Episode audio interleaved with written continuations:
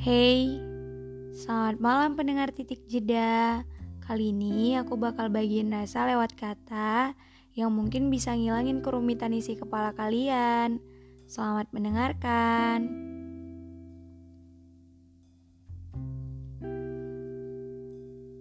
Rindu dan menunggu. Dua kata baku yang tidak terlalu kaku harusnya hasratnya menggebu-gebu. Ya, tapi memang bukan teruntukku.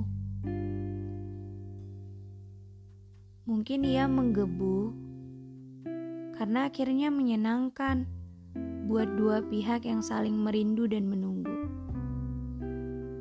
Tapi teruntukku, rindu dan menunggu adalah sebuah paksaan dari realita pendewasaan. Seperti memecah gelas tanpa sengaja, lalu bermain hujan di akhir senja, dan berakhir dengan berjalan tanpa kasat mata. Menyakitkan, bukan? Pastinya. Mungkin memang harus ditahan sendirian buat tidak saling menyakitkan.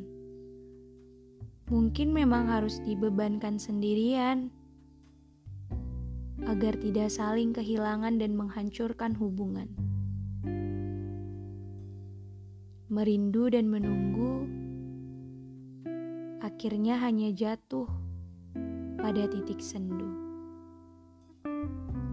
Terima kasih sudah mendengarkan.